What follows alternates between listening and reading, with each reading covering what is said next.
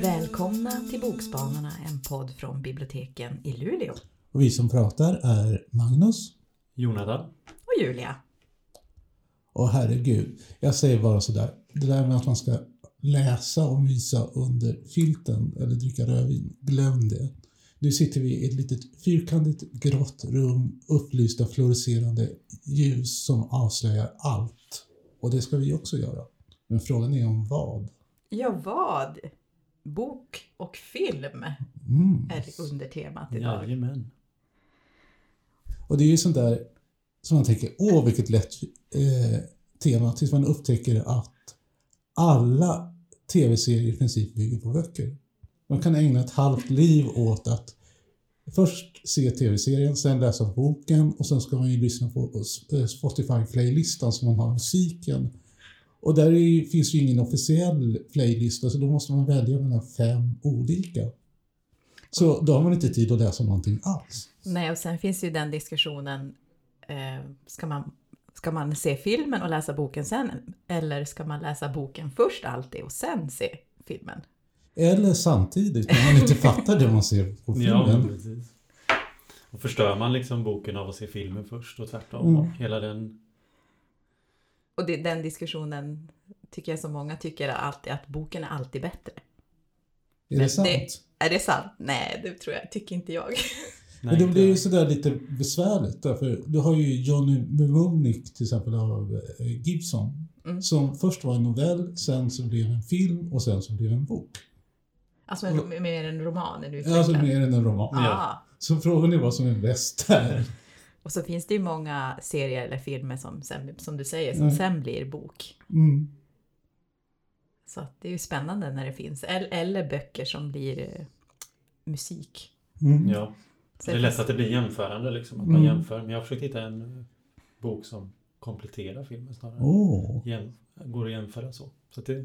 Mm. Det, är- det är ju alltid spännande.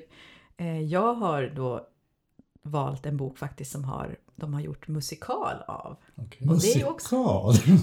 Så det är alltid spännande när de har liksom lagt till eh, sånger Mm. till en handling som inte har det från början. Är det Iliaden?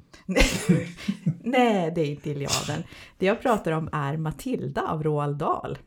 Och den versionen jag läste var översatt av Meta Ottosson. Det här är ju en eh, barnboksklassiker måste man väl säga från 1988. Med illustrationer av Quentin Blake. Och det jag måste säga om den först, den är ganska rolig att läsa högt. Just för att man kan leva sig med och göra röster och den här rektorn är ju så himla elak.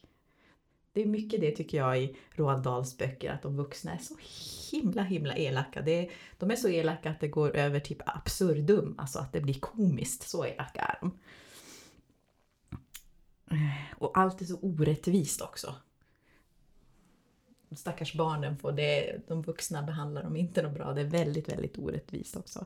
Men det är väldigt roligt då att läsa högt för att man, får, man kan verkligen, som jag sa, leva sig med och göra röster och göra liksom, så man får eh, kul. Men för de som inte kanske vet vad Matilda handlar om så eh, Matilda är som en lillgammal smart liten flicka och eh, hennes föräldrar skulle väl inte vinna några priser för sitt föräldraskap. Mamma lämnar henne ensam varje eftermiddag för att åka på bingo. Och hennes bilförsäljande far tycker att ja, hon är inte så mycket att ha. Favoritbarnet är då Matildas äldre bror Mikael.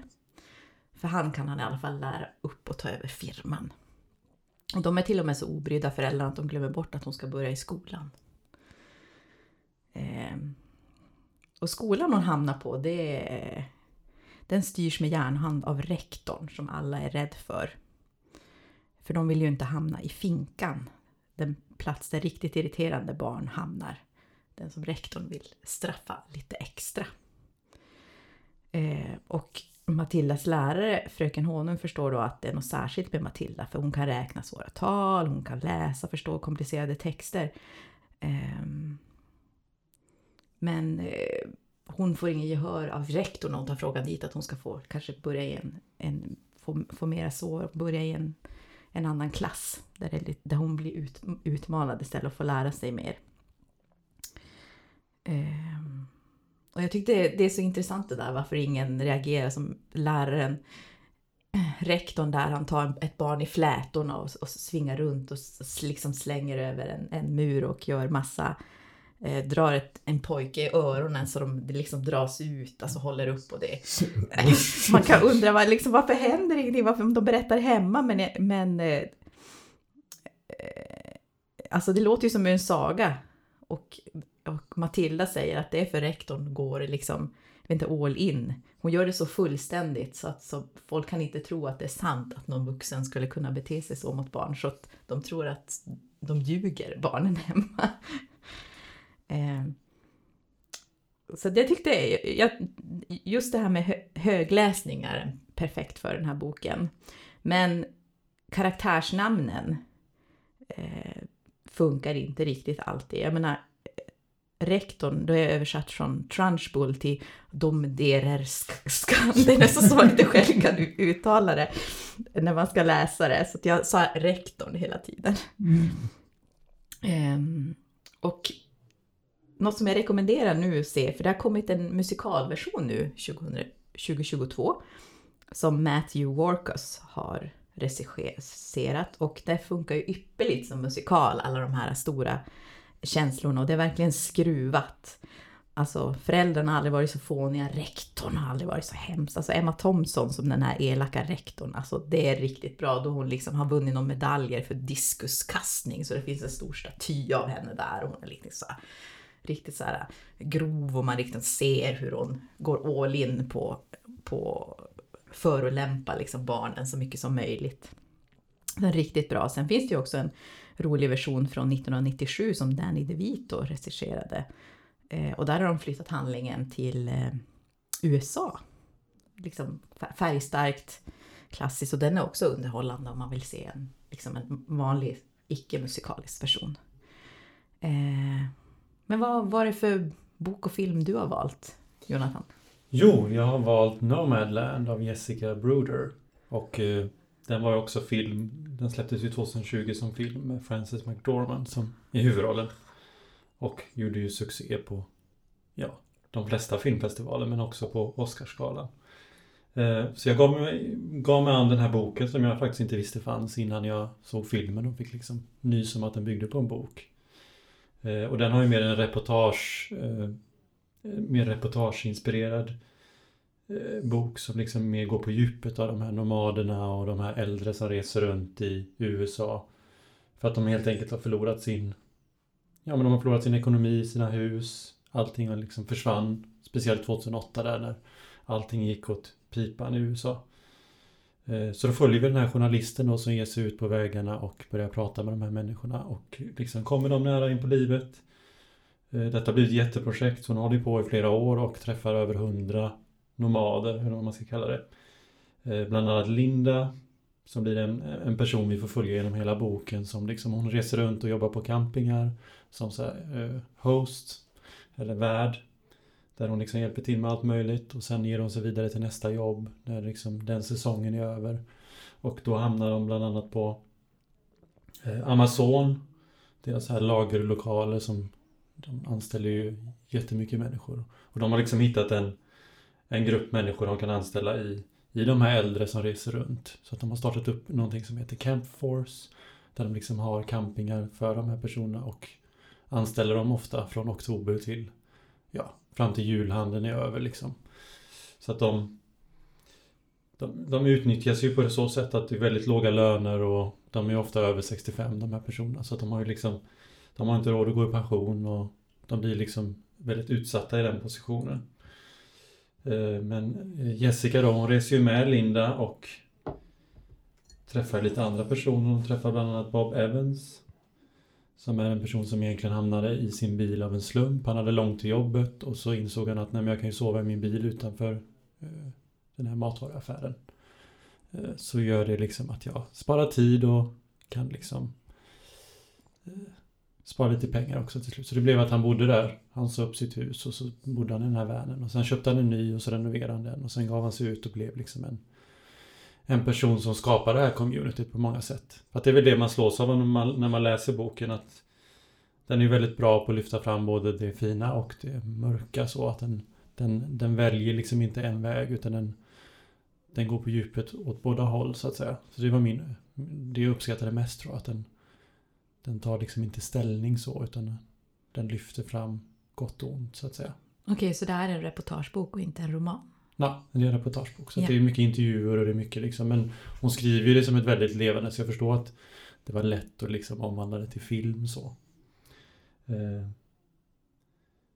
Och de får ju en väldigt fin community som jag var inne lite på. Att det liksom blir ju det här med att de tipsar varandra. Ja, men du kan duscha där, här finns det jobb. Och både i verkliga livet men även på internet som är väldigt tidigt ute med internetforum där med Yahoo och på tidigt 2000-tal.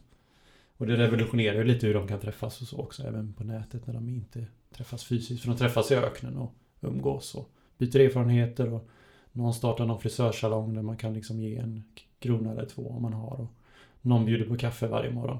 Så man slås ju av den här gemenskapen, man blir ju lite avundsjuk på det. Att när man förlorar massa annan trygghet och så, så, så hittar de här människorna något helt annat. Eh, som jag ser väldigt mycket värde i i alla fall. Mm. Så det var väldigt fint att läsa.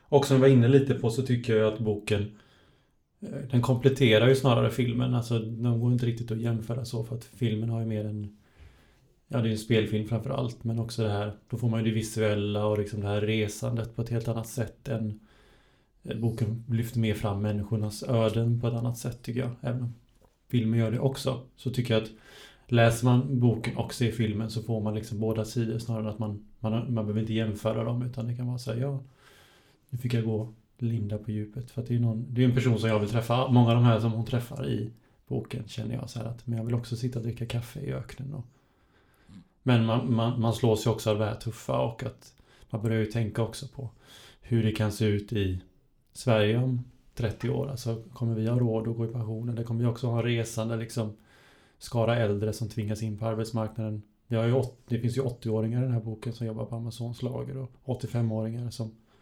jobbar tills deras kroppar i stort sett går i sönder liksom så. Så det är ju en väldigt, det är ju en väldigt sorglig bok också. Dyster. Väldigt dyster. Och hur de här stora företagen liksom pratar gott om de här äldre för att de gör alltid sin plikt och de kommer alltid i tid och de försöker liksom lyfta fram det som att de gör de här människorna en tjänst. Men baksidan är kanske att något helt annat. Mm. Så det är mitt tips. Ah. Eh, men filmen då, är den liksom mer realistisk an- antar jag? Alltså känslan i den? Ja, filmen eh, har ju mer en eh, romantisk men, men de här tuffa inslagen mer kilar ner i en liksom. Men man får ju den här visuella liksom roadtrip-känslan och då följer vi liksom Frances McDormand då, huvudpersonen. Hon, hon blir av med allt. Hon förlorar sin man och så ger hon sig ut på vägarna. Så att den bygger ju också på samma desperation och samma... Men hon kommer ju lite utanför där. Hon, hon kommer ju in tack vare en, en annan typ av katastrof. Jag tycker det är lite fascinerande att det finns så mycket fiktiva do- dokumentärer just nu. Alltså man tar något som inte är en dokumentär men ändå gör det i dokumentärform. Fast det, fast det är ju ofta mer ironi då. Det här är ju mer att man kanske återberättar verkligheten på ett poetiskt sätt. Ja, händelser i boken finns ju med i filmen men något som är fint är ju att eh, även, alltså förutom Frances McDormand så är ju alla personer i filmen de här personerna som är i boken. Så Linda, den riktiga Linda är med i filmen och Bob Evans är med. Och, så att alla de här karaktärerna man har läst om, de är ju med i filmen och spelar sig själva. Ja. Fast med en twist liksom. De hittar ju på vissa grejer för filmens skull. Men mycket känner man ju igen från de riktiga personerna. Linda drömmer bland annat om att bygga ett sånt här Earthship som är någon slags eh,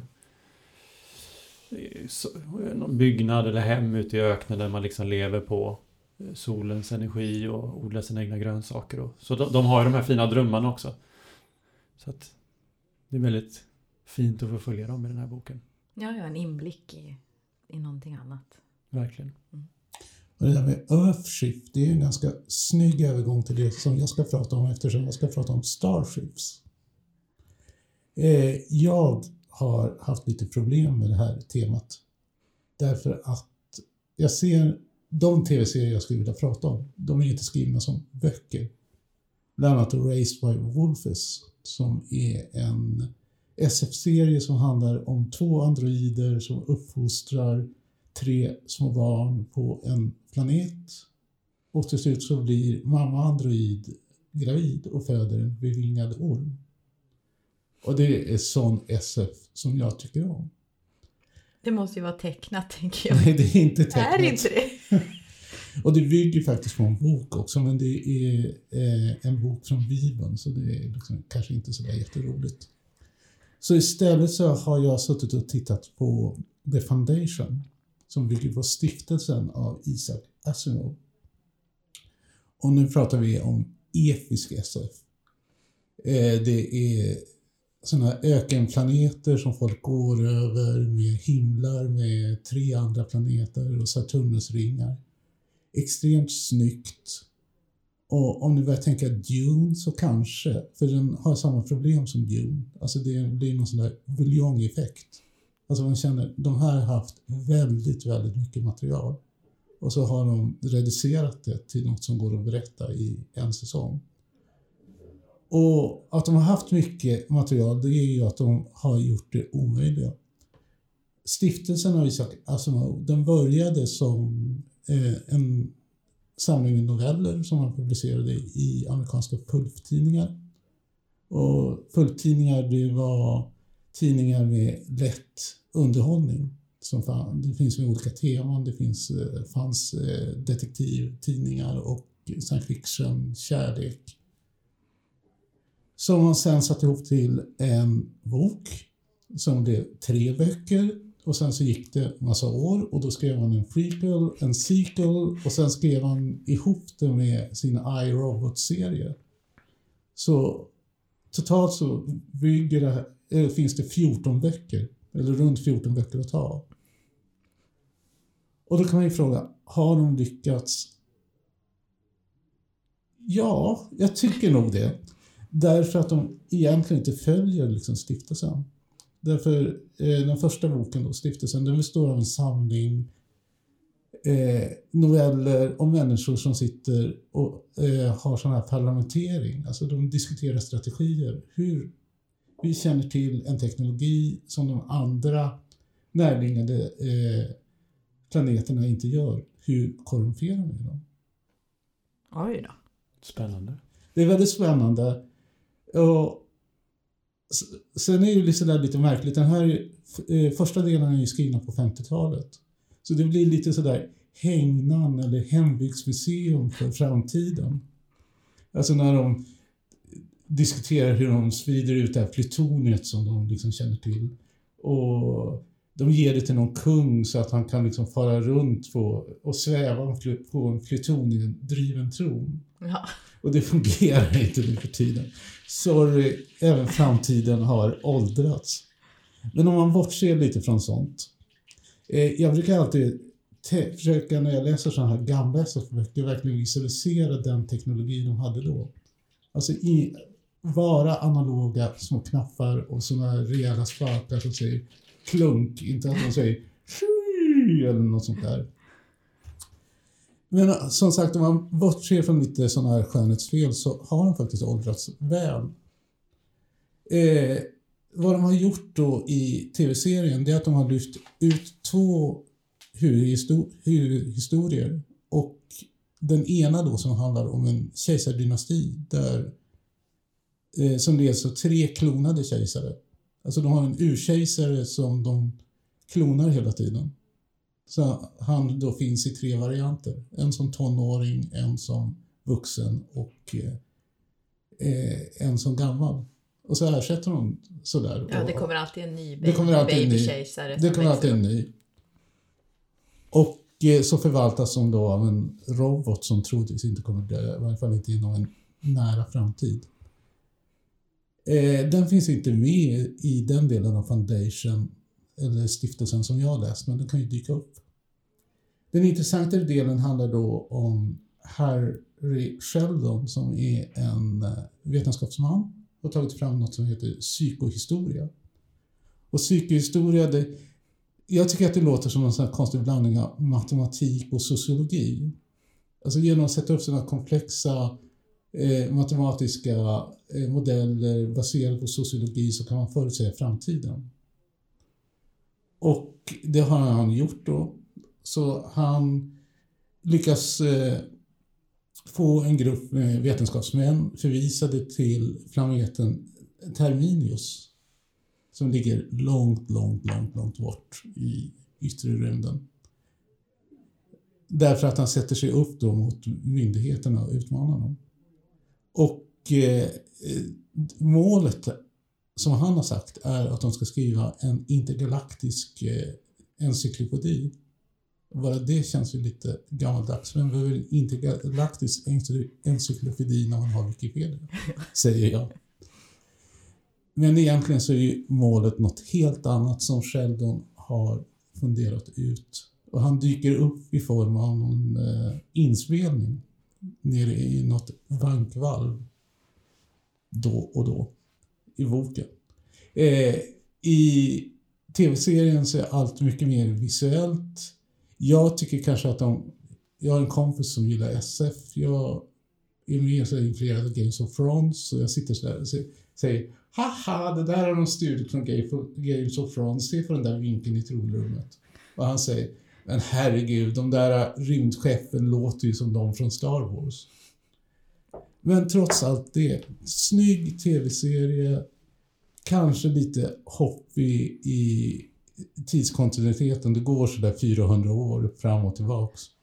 Men om man har läst originalet så förstår man var det kommer ifrån. Ja, det låter ju som att det var mycket att hålla reda på. Eh, det är mycket att hålla reda på. Eh, det är den vackraste episka SM som jag somnat i. Och det låter ju inte som att man kan rekommendera men jag somnar alltid i SF. Jag har sovit i Star Wars och jag är egentligen utdömd för att prata om sånt där. Det är det som, du, det är det som ger högsta poäng om du lyckas?